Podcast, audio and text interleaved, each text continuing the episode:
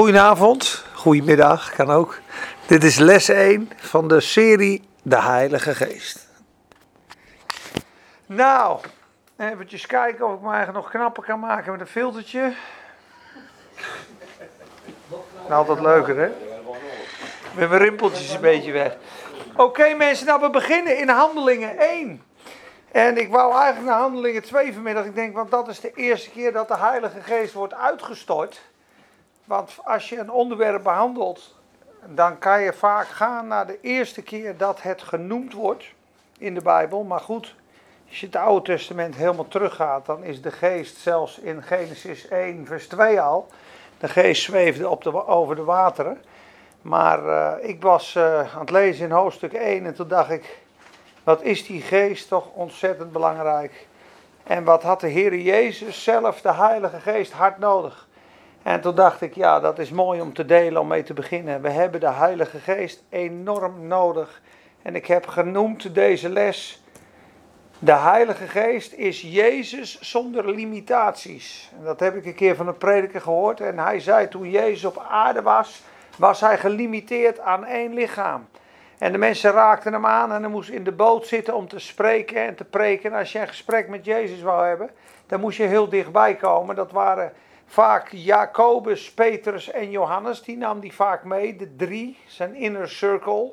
Maar toen de Heilige Geest uitgestort werd in onze harten, is het Christus in u. En we kunnen allemaal nu wandelen met de Heilige Geest. Het voorhangsel is gescheurd en hij is in de harten van ons komen wonen. In onze tempel woont hij. Christus in u, de hoop der heerlijkheid. En zonder de Heilige Geest kunt gij niets. Zonder mij kunt gij niets. Daarom zei Jezus: Ik laat u niet als wezen, ik kom weer tot u. En dan sprak hij over de Heilige Geest. En daar gaan we over inzoomen. We wensen ook alle mensen die kijken een hele mooie tijd. We zien Harmen, Barbershop de Valk. United Nabi, hoe is het? Heb je Osman nog gehoord? Mijn moeder kijkt ook mee. Maar we gaan beginnen met uh, uh, Handelingen hoofdstuk 1. Het eerste boek heb ik gemaakt, o Theophilus, over alles wat Jezus begonnen is te doen en te onderwijzen, tot op de dag waarop hij opgenomen is, nadat hij door de Heilige Geest aan de apostelen, die hij uitgekozen had, opdrachten had gegeven. Hij heeft zichzelf, nadat hij geleden had, ook levend aan hen vertoond, met vele onmiskenbare bewijzen. Veertig dagen lang. Waarbij hij door hen gezien werd en over de dingen sprak die het koninkrijk van God betreffen. Maar wat mij vanmiddag al trof, is dat die opgestane Jezus bevelen geeft aan zijn apostelen, de dag dat hij opgenomen is, nadat hij door de Heilige Geest aan de apostelen, die hij uitgekozen had, opdrachten had gegeven. De dag waar hij opgenomen is. dus uiteindelijk is dit net voor zijn hemelvaart, na zijn opstanding. Dus in die tien dagen is de hemelvaart geweest. Of, uh, uh, na de veertig dagen dat hij op aarde was, is hij weggegaan. En heeft hij daarna de Heilige Geest uitgestort op de vijftigste dag. Maar voordat Jezus dus opgenomen is, heeft hij door de Heilige Geest aan de apostelen opdracht gegeven. Dat vond ik heel treffend. Ik denk, hé, daar had hij dus ook de Heilige Geest voor nodig. En ik heb vanmiddag opgeschreven dat Jezus geleid werd door de Heilige Geest. Je moet weten, er zijn verhalen dat Jezus als jochie wonderen zou hebben gedaan. En dat als er een vogel of vleugellam was, dat hij het vogeltje aanraakte. En dat hij uh, allerlei wonderen deed. Het is absoluut kolder. En uh, er zijn zelfs boeken van Jacob Lorber, de nieuwe, de nieuwe werkelijkheid. En die had dan uh, de, de, de gemiste jaren van Jezus, van 12 tot zijn 30ste jaar staat niks in de Bijbel. En dan had hij dan door het innerlijke woord van God, had hij dat allemaal geleerd. En het is allemaal kolder, want bij de bruiloft van Cana, staat er, en Jezus veranderde water in wijn. Dit was het eerste wonder wat hij deed. Om zijn heerlijkheid te tonen. En daarna staat zelfs, dit was het tweede wonder, het tweede teken. Dus, Jezus was gewoon een mens die opgroeide onder Jozef en Maria. En groeide in genade en wijsheid bij God en mensen. Lucas 2, vers 52 staat dat. En hij was bezig met de dingen van zijn vader toen hij 12 was. Hij was doorkneed in de schriften, want hij wist exact waar het stond in de tempel. Of in de synagoge als hij daar was. Dus, maar hij was gewoon timmerman. En totdat het gebeurde dat God hem zalfde met de Heilige Geest en kracht. Toen begon Jezus pas de werken te doen. Daarom zegt hij ook in Johannes 14: Als jullie mij dan niet geloven of dat ik het ben, geloof mij dan om de werken die ik doe. Want het is niet ik die dat doe, maar de Vader in mij werkt. En zoals de Heer Jezus moest wandelen als mens, gezalfd en vervuld met de Heilige Geest, was gewoon het voorbeeld dat wij Hem kunnen navolgen. Net zo afhankelijk van de Vader zoals Hij. Daarom zei hij in Johannes 5: De zoon kan niets doen uit zichzelf. Maar wat hij de vader ziet doen, dat doet ook de zoon. Wat ik de vader hoor spreken, wat ik de vader zie doen, zo doet de zoon likewise. Dus hij maakte zich afhankelijk. Daarom was hij ook moe. Daarom sliep hij ook in de boot. En daarom had hij ook bij de Samaritaanse vrouw gewoon water nodig. Het is niet een, een Superman met, met alle powers die hij had. Want hij had bloed, zweet en tranen in de tuin van Gethsemane. En door de genade van God, staat dat er in Hebreeën?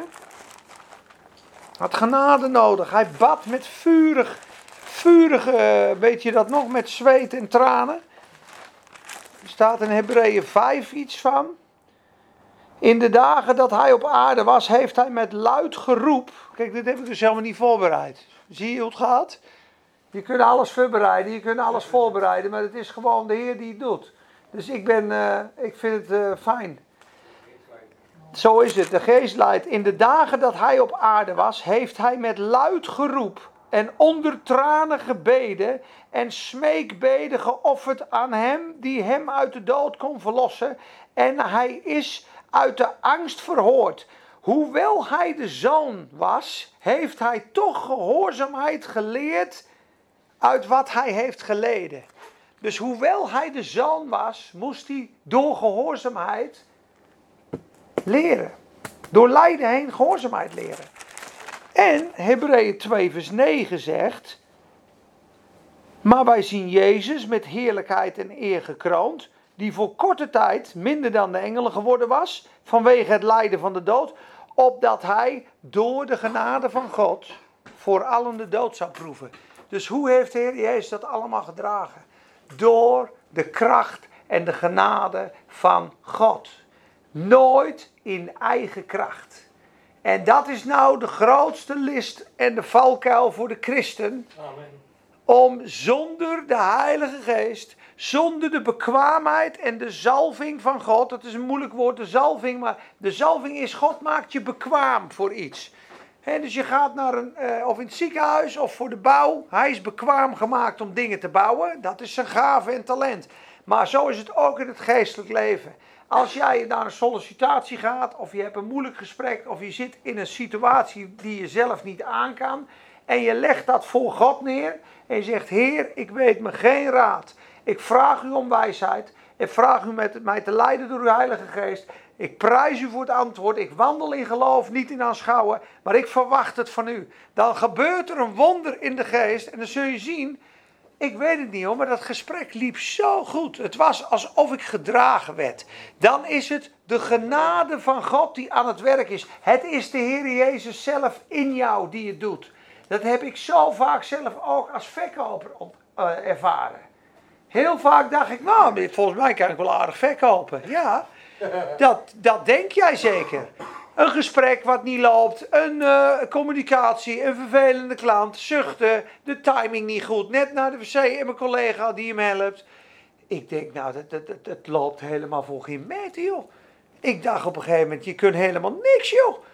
de kracht die God geeft om die, om die verkoop te doen, krijg je van de Heer. En ineens denk ik, het is geregisseerd, jongen. Het gesprek is goed. De zin was goed. Dit was leuk. Het is gewoon, het is gezegend. Het is de genade van God die deze negeerlimiet. Ik heb een tijdlimiet erop zitten. Oh ja, die is nu weer weg. Sorry jongens, dat was even een kleine break.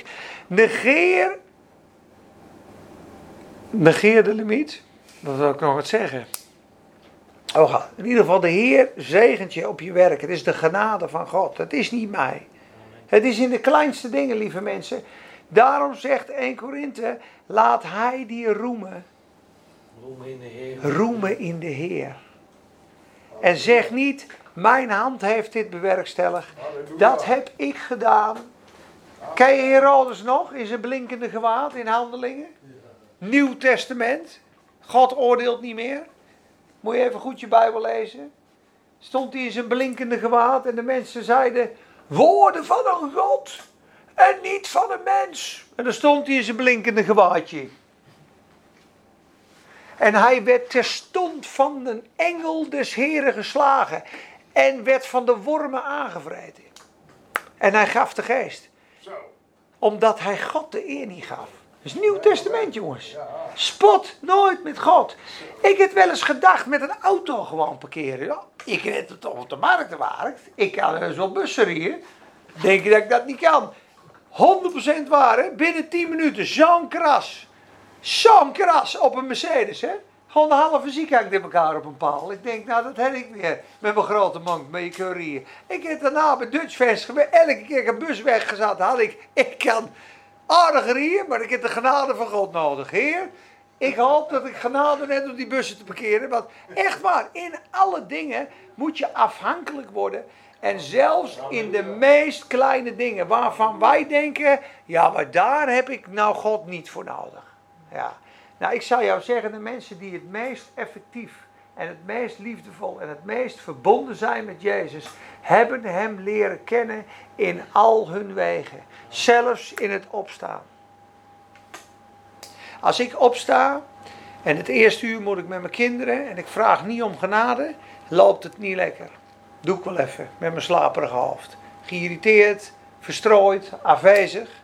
Maar als ik fris opsta, ik begin de dag met God, ik vraag Hem om genade en de zegen en de zalving, de bekwaamheid, dan loopt het goed.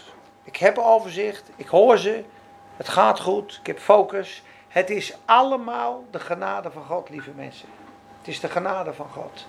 En de genade van God is Jezus zelf in jou. En een mooi teken is ook als je ooit gefrustreerd wordt, dan moet je dit dingetje stemmetje, je hebt het een keer van Joyce Meyer gehoord en het is waar. Het moment dat je gefrustreerd wordt, zegt ze, is het moment dat je gestopt bent genade te ontvangen. Dus dan ben je over je grens. Dan moet of je in de auto, of je bent, dan moet je eigenlijk naar de wc gaan, zegt ze. Even rustig, even reset, heer. Hier ben ik. Mijn ruzie in de auto, ik ben drie keer verkeerd gereden. Hier ben ik. Halleluja. En dan kom je terug, waar gaan we heen? Naar de McDonald's of recht het bos heen? Maar we gaan ons niet meer. Zo is het mensen. En dat is in het praktische leven is dat echt zo van nodig. Wij zijn gemaakt in een relatie met God. Het, er is maar 1% van alle christenen die een fulltime krachtige bediening heeft. Dus dat is een evangelist of een prediker of een rondreizende apostel. Er zijn maar een paar mensen die fulltime voor God prediken, demonen uitdrijven, Paulussen zal ik maar zeggen. Dus 99% van de mensen heeft gewoon een baan, wandelt met God, gaat naar de sportvereniging, heeft elkaar lief, kent gezin. Die leven gewoon. Of je gesteld bent als standaards, of groenteboer, of stukendoor. Gewoon het leven met God. En daar zijn we voor gemaakt, voor de relatie. Uiteindelijk is het doel van God. En het is geweldig als de mensen tot geloof komen. En geweldig als we allemaal getuigen. En als je op een verjaardag zit en je getuigt van joh, we hebben gebeden en toen werden we zwanger. Of we hebben gebeden en toen ging de ruzie weer goed. Of oh, God is zo goed voor mij. En als iemand dan vraagt, ik wil die God leren kennen. Dan je zegt, nou mag ik voor jou bidden. Mag je, mag je hart openstellen. En het is geweldig als we vrucht dragen. En dat moeten we ook echt doen. Maar, maar het gewone leven met God. Dat je op Jezus gaat lijken in doen en laten en karakter. Dat is voor God zeer waardevol. Want je weet dat in Matthäus 7 straks grote godsmannen staan. Wonderen, doden opgewekt, vele tekenen. En hij zegt, ik heb je niet gekend. En dat is een moeilijk stuk. Gaan we nu niet uitleggen, maar het gaat er maar om dat er zijn mensen geweest na 25 jaar gebed. Die hebben een keer een rondleiding gehad in de geest. Hoe het in de hemel was. En die schrok van de mensen die het dichtst bij de troon waren. Hij zag huisvrouwen, zwervers, de meest simpele gelovigen. Het dichtst bij de heerlijkheid van Gods troon.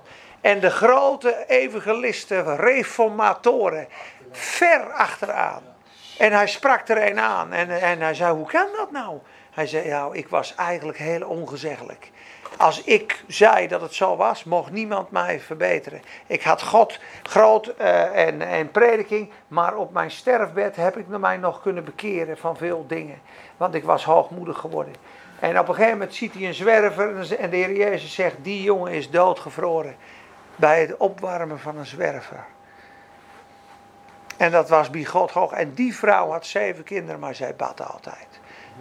Het was waardevol bij God. Dus wat God, wat in ogen van mensen klein is, is bij God heel groot. En veracht dat nooit. Want de liefde die jij hebt voor de Heer Jezus is, Gods, is voor God zo waardevol. En dan is een hele mooie uitleg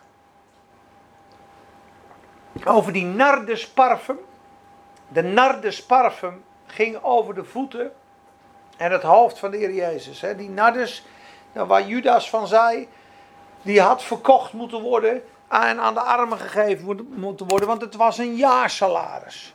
He, dus laten we even zeggen dat iemand 3000 euro per maand verdient, dat het een 36.000 euro parfum was. Wat ze brak, een alabasterbox. Maar iemand heeft wel eens uitgelegd waar die nardus vandaan komt. Die nardus is een plant die is heel ver weg op, eh, om, om eh, die parfum te maken met een andere plant. Dus je zou maar even, even hypothetisch gesproken, je zou naar Japan moeten om de nardus te halen. Dan, dan zou je uit een, een voetbal alles persen, zou je twee kleine nardusjes overhouden. Dan zou je naar Argentinië moeten om hem daar te mengen. En dan zou je naar Alaska moeten om hem daar te bereiden. Zoveel werk zat er in die nardus. En die nardus is een beeld van de liefde voor Jezus in ons hart. En als je vroeger naar de tabernakel ging en ze maakten die kruiden, dat was eigenlijk de aanbidding dat je uit je hart zegt, Heer, ik heb u zo lief. U bent mij zo waardevol. Dat is voor God de nardus. En als je dus een hele kruik nardus moest hebben, dat was zoveel werk, dat was zo kostbaar, zo duurzaam, dat gooiden zij over de Heer Jezus heen. Dat is een hart wat door het leven heen gevormd is, wat de liefde van Christus in zich gecreëerd heeft. En daar is God uiteindelijk naar op zoek.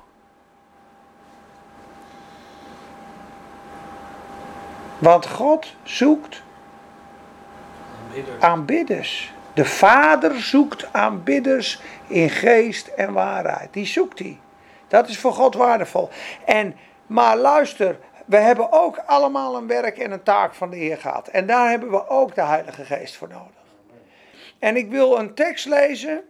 Dit is echt geheim. Dit zijn mooie geheimen. Dus jullie zitten echt op een goede plek. Dat durf ik gewoon te zeggen. Na twintig jaar eh, gesnuffeld te hebben in vele hoeken en gaten in het christelijk land.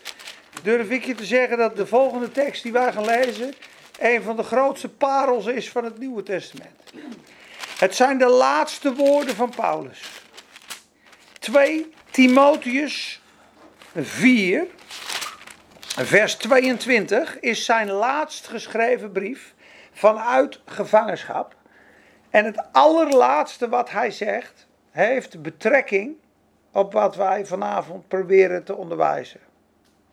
Wat zei je, 2 Timotheus 4, vers 22.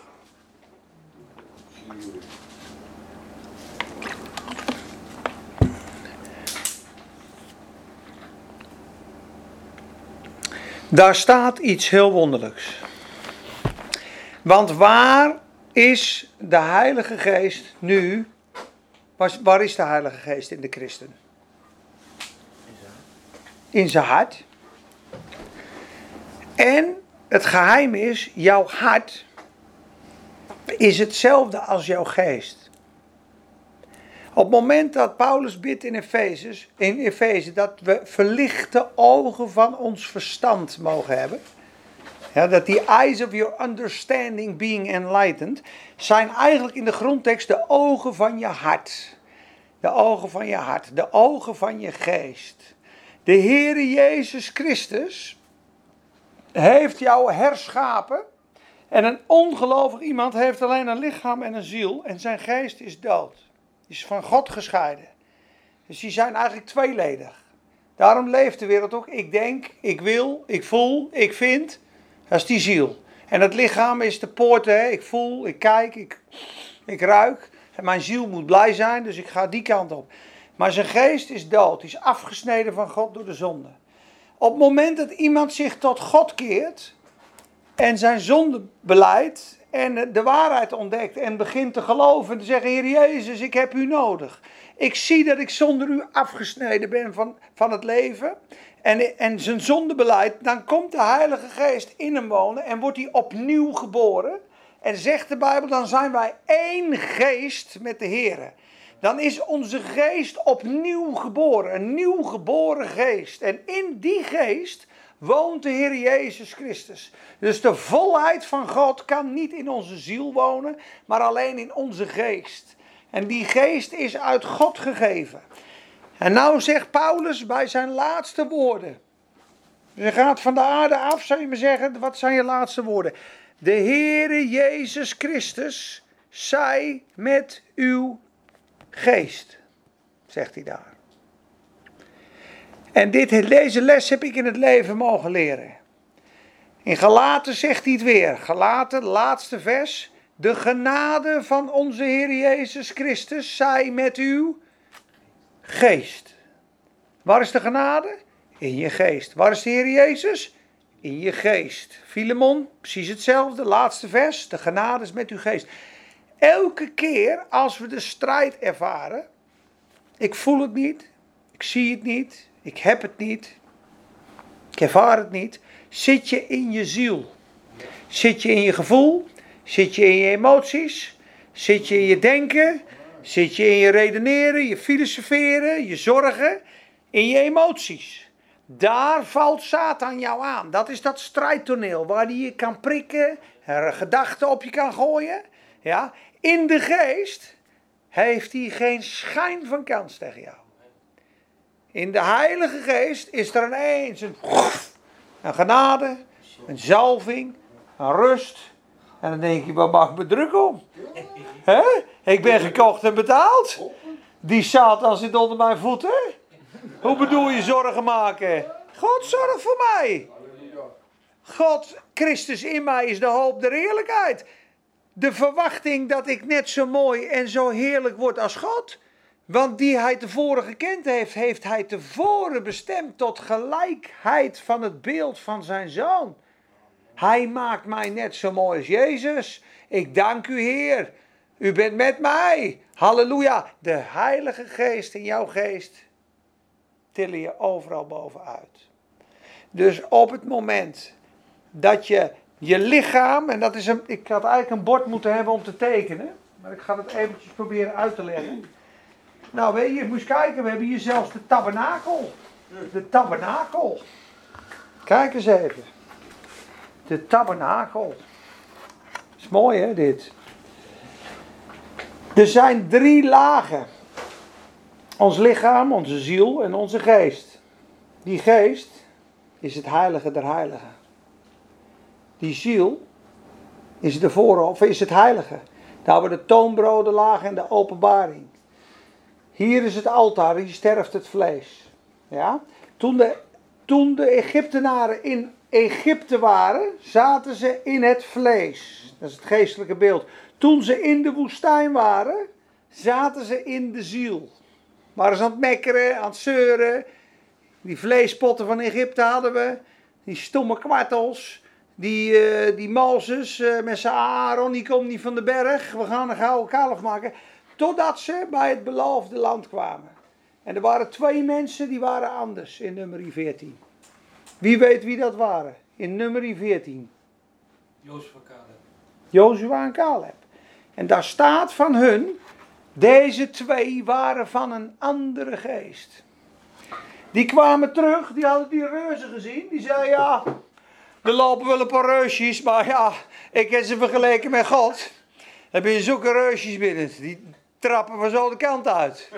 Ja, ja, en de rest kwam terug. Er zijn daar reuzen. Dat land kunnen we nooit innemen. Zulke grote reuzen. Nee. De tien verspieders. Ja, en de, jongens, geloof het of niet. De toren van de heren ontstak. Want zij brachten een kwaad gerucht onder het volk. En 2,5 tot 3 miljoen mensen is de berekening. Waren daardoor ontsteld en uit het geloof en het karakter en de waarheid van God werd vertreden. Zij werden opgehangen of stierven voor het aangezicht des Heren. Dat die hele gemeenschap gewoon ontdaan was. Ja, dat zijn lessen jongens van de Bijbel. De dingen die bij God heel klein lijken, die kunnen wel eens heel groot zijn. Zoals zo'n Herodes, dat je denkt, nou ja, ik bedoel, die maakt een foutje. Nou, dat soort dingen weegt bij God heel zwaar. Dat zie je bijvoorbeeld ook bij Zacharias en Maria. De engel komt, je zal een zoon krijgen. Ja, maar hoe dan? Mevrouw eh, en ik, eh, dat kan niet. En hij was negen maanden stom. Hij kon niet meer spreken. Zie, ik ben Gabriel. Ik sta in de tegenwoordigheid van God. Omdat gij mijn woorden niet geloofd hebt, zult gij negen maanden niet spreken. Lik op stuk beleid. De Heer spot daar nooit mee. Maria, hetzelfde hoofdstuk, krijgt ook een engel. Vraagt bijna hetzelfde. Maar hoe zal dat geschieden? Want ik zie geen man. Maar in de hart gelooft ze het. Ze zegt, ja, ik geloof het, maar hoe, hoe dan? Want ik, ik beken geen man. En het werd haar gegeven. Zie je dat onze hartsgesteldheid ten opzichte van het woord en God van essentieel belang is? Van essentieel belang is. Hoe je wandelt met God. Eer zijn woord. Jozua en Caleb waren van een andere geest. Jozua lag continu voor de ingang van de tabernakel. Dat was een aanbidder, die las zijn woord, die wilde dicht bij God leven en die zag het anders. Die leefde in de Heilige Geest. En wij moeten onze geest sterken. En de Heilige Geest moeten wij mee leren wandelen als onze leidsman. En dat gaat door gebed. En dat gaat door het woord. En dat gaat door relatie. En dat gaat door bijbelstudies. En dat gaat door de dingen te doen die de Bijbel zeggen. Zodra je de Bijbel gaat doen, begint de Heilige Geest maximaal te stromen in je leven. Zodra je de Bijbel gaat doen, gaat de Heilige Geest maximaal stromen in je leven. Want de woord en de geest zijn één. Daarom, als iemand een profetie ge- geeft en die staat niet hier in de Bijbel, kun je hem zelf van je afschuiven. Want de Heilige Geest zegt nooit iets wat niet in het woord staat. De Heer Jezus zei met uw geest. Is dit moeilijk of is dit goed te begrijpen? Hartstikke goed te begrijpen. Ja, voor jullie ook? Oké. Hij zit in je geest. De strijd naar jouw geest kan wel eens zwaar zijn.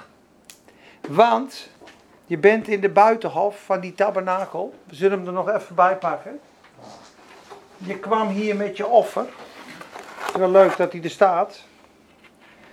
Hij kwam je aan. Je voel je niet zo lekker. Ja. Twee keer ruzie van de week.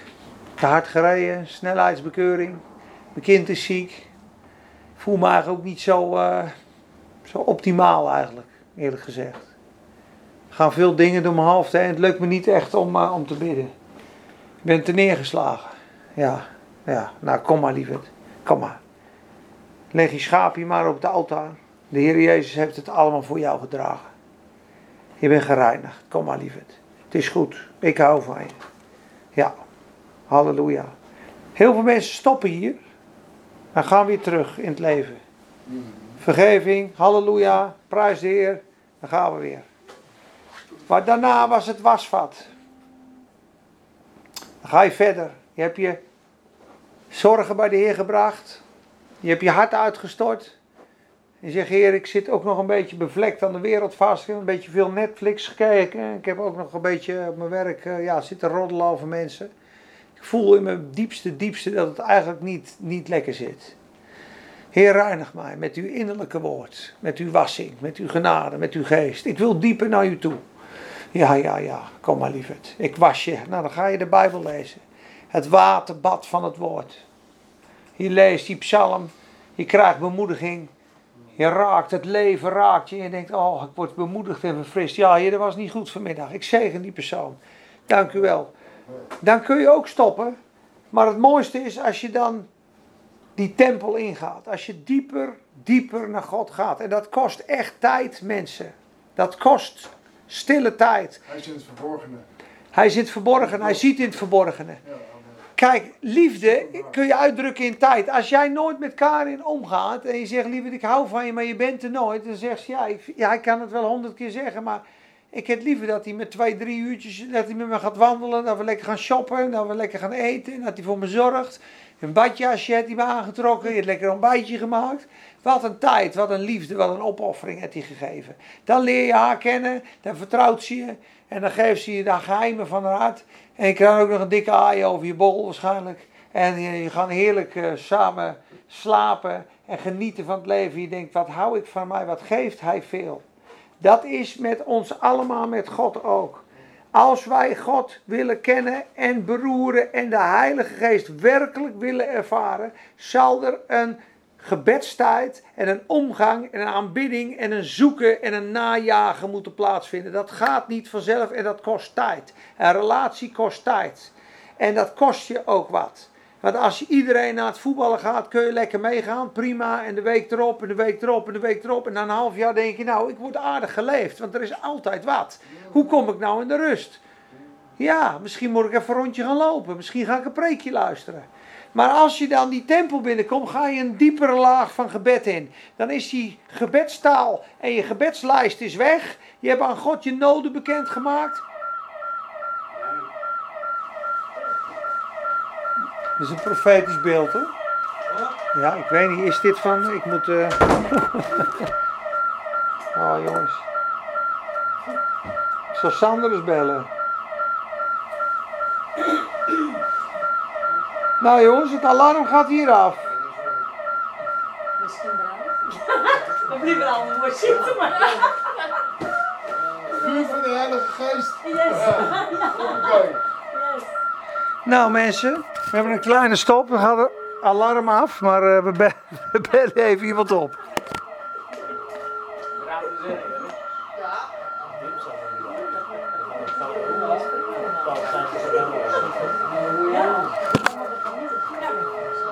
Jongens, dit is wel heftig. Dit is het origineel van Samba. Jezus. Ik denk dat de deur nog open stond. Ja, ik denk het ook. En dat is Welke deur? Beneden de deur, die heb ik dicht gedaan. Nou, Ja. uit. Zo, ik dacht dat toen eens weer. Nou, hij is uit. Bedankt.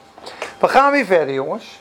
We waren bij de ingang van de tabernakels. Even een geestelijke strijd, hè? Dus je bent, je, het is zondagmorgen. Eh, je staat op, eventjes een uurtje eerder. Je, je voelt je moe, maar je gaat douchen. Je bidt, je leest. Je kan je Bijbel dicht doen, maar je kan ook zeggen: Heer, er is meer.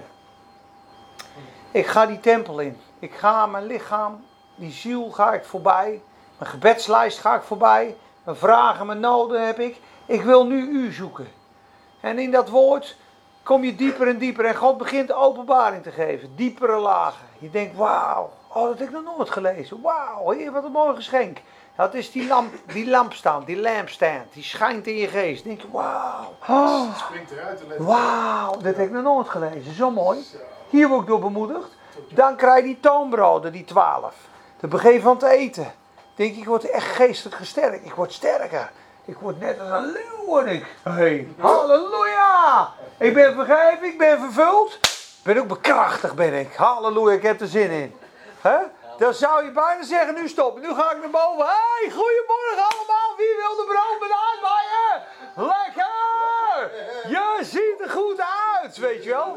Dan ben je hartstikke blij. Hup, hagel in de tandjes. En er is nog een diepere laag. En die laag, die is nog dieper, daar kom ik ook niet vaak.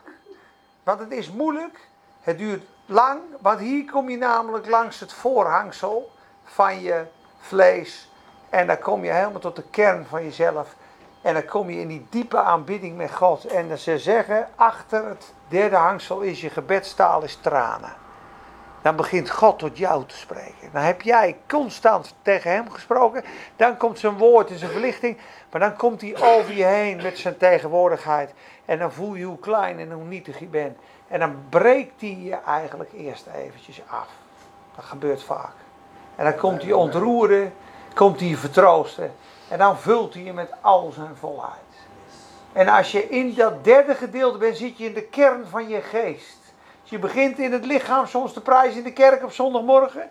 Je voelt nog veel dingen, ja, maar de derde psalm gaat het al wat beter. De vierde psalm, dan heb je, oh, ik ben mooie dingen aan het zingen. Hè? Hij, oh Heer, maak mij uw wegen door uw woord en geest bekend. Halleluja. Leer mij hoe die zijn gelegen en waarheen u schreden bent. Halleluja. Je vindt het mooi. Maar er is een diepere kern en een diepere laag. En als je die in de omgang met God weet te vinden, heb je de schat gevonden in aardevaten. Dat is Jezus in die geest, in je hart. Als je daartoe komt, dan is die gebedstaal tranen, maar dan begint God zijn diepe geheimen aan jou te openbaren. Zijn eigen hart. En dit zou kunnen vertaald worden met Psalm 24 en daar staat er: zoek niet zijn hand, maar zoek zijn aangezicht. En dat is wat wij allemaal moeten leren, ook Peter Duist. Zijn hand is, Heer, dank u wel en u zegent mij op mijn werk en u bent goed voor mij, halleluja, prijs de Heer, ik ben gezegend, mooi. Dat is zijn hand.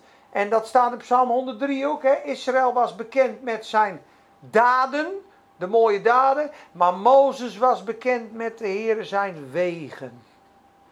Waarom doet u dat? En waarom deed u dat? En wat is uw hartsverlangen? En hier begint de diepe, intieme vriendschap met de Heer Jezus Christus. En daar ontmoet je de Heer in de Heilige Geest. En daar word je zo vervuld. Daar word je zo bekrachtigd. Ze zeggen ook, als jij hieruit vandaan komt, kun je er niet meer uit. Die hele dag niet. Dan zit hij als een deken om je heen. Zo'n dikke tegenwoordigheid van God krijg je dan om je heen. Dat is hoe die tabernakel vroeger in beeldspraak neergezet wordt. Maar het is een beeld van ons lichaam, onze ziel en onze geest. En als je tot de kern van je geest wil komen, is ben je in het heilige der heiligen. Daar kwam de Shekinah glory. De glorie van God tussen die twee gerubsen. En die gerubsen keken niet naar elkaar, maar naar het verzoendeksel. En daar lag het bloed van de Heer Jezus Christus. En de ark is Christus zelf. Het is gemaakt van hout, van de menselijkheid van Christus en overtrokken met goud, de goddelijkheid van Christus. Daar binnenin lag de pot met manna. En de staf die gebloeid had en de stenen tafelen. Dat zijn de drie hoofdzonden van het volk Israël. Het afwijzen van Gods leiderschap. Het afwijzen van Gods provisie. En het breken van zijn wet. Hebben we allemaal schuld aan. Maar in dat verzoendeksel keken de gerubsen naar het bloed. En God keek naar het bloed en je kwam in genade.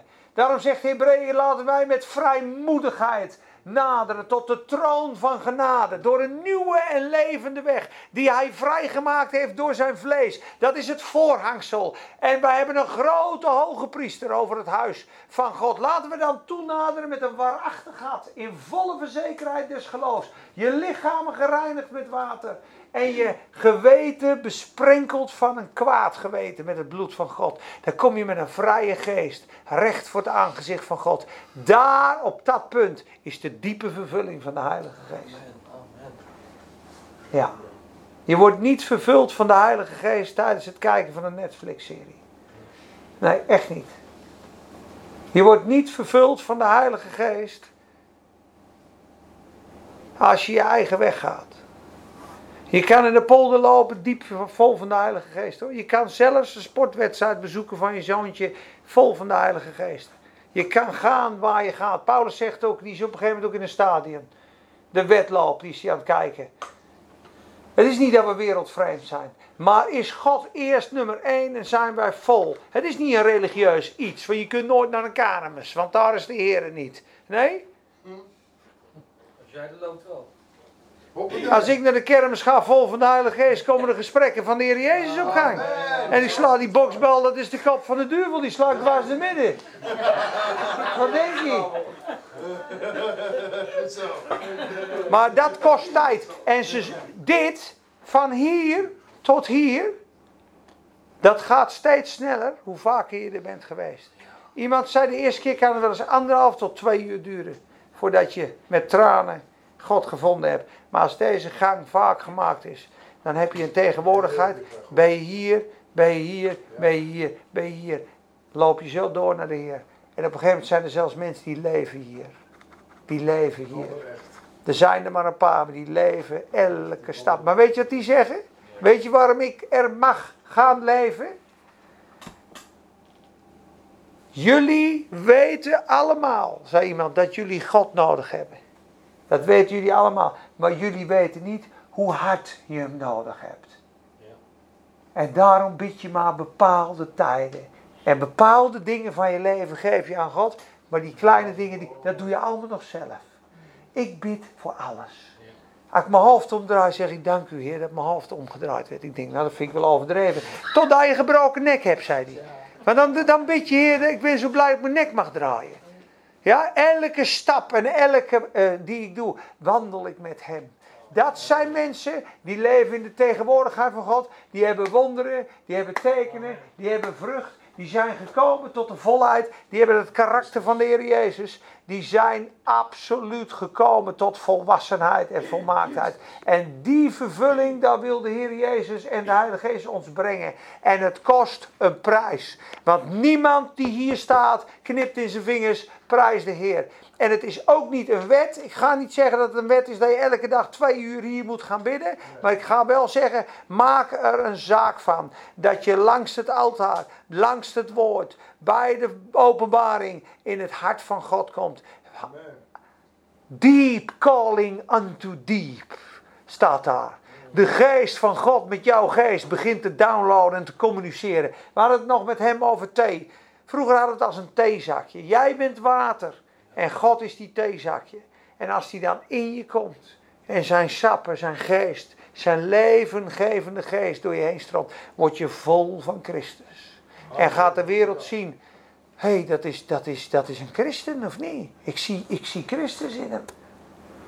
Mijn kinderkens. Voor wie ik in barensnood ben, zei Paulus. Ik bid dag en nacht voor u. Totdat Christus een gestalte in u krijgt totdat hij zichtbaar wordt in u.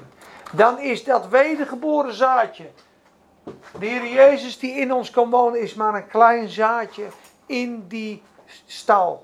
Want daarom zegt Petrus ook als pasgeboren baby's. Verlangt naar de onvervalste melk van het woord. Dat je daardoor mag groeien. Weet je wat ik een keer gevraagd heb? Dat weet zij ook wel. Hoe vaak een klein babytje eet als pasgeboren baby's verlangen naar de onvervalste melk. Acht keer per dag. Acht keer per dag. Dus moet je nagaan tegen jou. Je bent net opnieuw geboren. Je hebt je leven aan de Heer gegeven. Petrus zegt: Als jij wil groeien. Drink de onvervalste melk van het woord. Dat je daardoor mag groeien. Je zou bijna acht keer per dag. Tien minuten, kwartiertje moeten le lezen. Dat je gewoon zegt: Joh, op de wc lees ik. Daar lees ik. Daar lees ik. Daar lees ik. Johan Toet las 15, 16 uur per dag zijn Bijbel als crimineel. Op een gegeven moment wordt het woord een deel van je. Ga je het geloven, ga je het zien. Heel veel mensen zeggen, ja ik ben gezegend, ik ben blij. Het boek openbaring lees ik niet, want dat snap ik niet. Ik vind het allemaal goed. Uh, ja, uh, Jezus is voor me gekruisigd. Halleluja, prijs de Heer. Ja, het is een kind van God, maar je gaat nooit, maar dan ook nooit het beloofde land in kunnen nemen met al zijn reuzen. Als je niet als een koning dit bestudeert. Alle wijsheid, alle geestelijke lessen. Zijn Wim Oddenbach. En hij heeft gelijk hoor. Want je komt een keer voor ocht te staan in je leven. Van zes meter hoog. En dan heb je het woord nodig. En je komt een keer bij Jericho. Dat je denkt, jongen, ik kom hier nooit uit. Nee. Zeven keer om de stad. En dan zeven keer op één dag. Waar slaat het op? We slaat er nergens op. Nee, en onderlaatst hadden ze bij Geographic, eh, National Geographic, hadden ze het nagedaan. Die zo natuurlijk. Als een muurtje gemetseld en een grote toeter neerzet met een versterker. Hoe hadden de muren van Jericho kunnen vallen? En dan gingen ze met 5000 decibel. En zoveel trillingen en dan ging een kleine muurtje zo. Maar de muren waren zo dik, dat kan nooit door geluid geweest zijn. Maar het is het geestelijke kracht van God. En ze wonnen en de zeeën gingen splijten. En al die dingen in ons leven. God wil ons brengen van pasgeboren baby's naar volwassen mannen en vrouwen van God. De hele schepping kijkt rijkhalsend uit naar het openbaar worden van de zonen en de dochteren van God. Sterker nog, het laatste vers van Hebreeën 11 zegt dat de hele garde van het Oude Testament wacht op ons, opdat zij zonder ons niet tot volmaaktheid zullen komen. Wist je dat dat er staat? Laatste vers van Hebreeën 11. God had iets beters, staat er. Dat zij zonder ons niet tot volmaaktheid zouden komen. Daarom begint hoofdstuk 12. Nu wij dan omringd zijn met zo'n grote wolk van getuigen. Elia, Simpson, David. Ze moedigen je aan in de race. Wij zijn de kinderen van het Nieuwe Testament, de sterren die stralen. En hun waren de maan van het Oude Testament met een mindere glans. En ze hebben het voorbereid. En daarom zegt de Heer Jezus, Johannes de Doper was het grootst. Maar de kleinste in het koninkrijk is meer dan hij. Wij zijn heel erg bevoorrecht. Maar er zijn heel veel kinderen van God die blijven staan bij het wasvat. Of bij het altaar. Ik ben vergeven. Jezus is voor me gekruisigd. Prijs de Heer. En de rest is een tranendal. We moeten het overleven. Zo is het nou eenmaal. God heeft het. Straks wordt alles mooi. Terwijl God veel meer heeft. Veel meer heeft. En wij mogen in de naam van de Heer Jezus Christus stralen. En zijn hele zegen brengen op alle plekken. Ik denk dat ik het hier al bij ga laten, lieve mensen. Het is goed zo. Ik, ik heb genoeg gedeeld en ik denk dat het heel erg duidelijk is. Die machtige Jezus kwam weer tot ons in persoon. En de Heilige Geest is de ongelimiteerde Jezus. En als jij met Jezus wil wandelen in dit leven en zijn vriendschap en zijn kennis wil hebben en zijn hart wil kennen, dan zal je in die diepe laag van de Heilige Geest je eigen af moeten leggen en Hem zoeken. En als je Hem vindt, is het de grootste schat. Wigglesworth zei: vijf minuten van die tegenwoordigheid van God zou ik niet inruilen. Als ik de hele wereld kreeg en ik kreeg een gouden hek eromheen met bakstenen waar mijn naam ingegraveerd stond. Voor vijf minuten van die zalving en tegenwoordigheid van God zou ik het lachend afwijzen. Zo waardevol is de aanwezigheid van God, zei hij.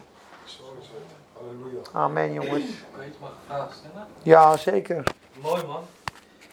En ehm, daarom ging Jezus ook weg van de mensen en ging hij alleen met de Vader zijn. Eh, maar mijn vraag is, eh, dit is het belangrijkste, die stille tijd met God.